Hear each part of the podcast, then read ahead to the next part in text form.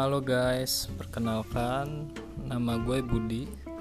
Gue seorang budak korporat yang sedang bete kali ya karena ada wabah COVID-19. Jadi mencari kesibukan lain yang berfaedah, yang bermanfaat. Maka dari itu gue bikin podcast ya. Ya, pokoknya nantinya podcast gue akan berisikan tentang obrolan-obrolan dari yang penting sampai yang nggak penting. Jadi ya disimak aja. Check it out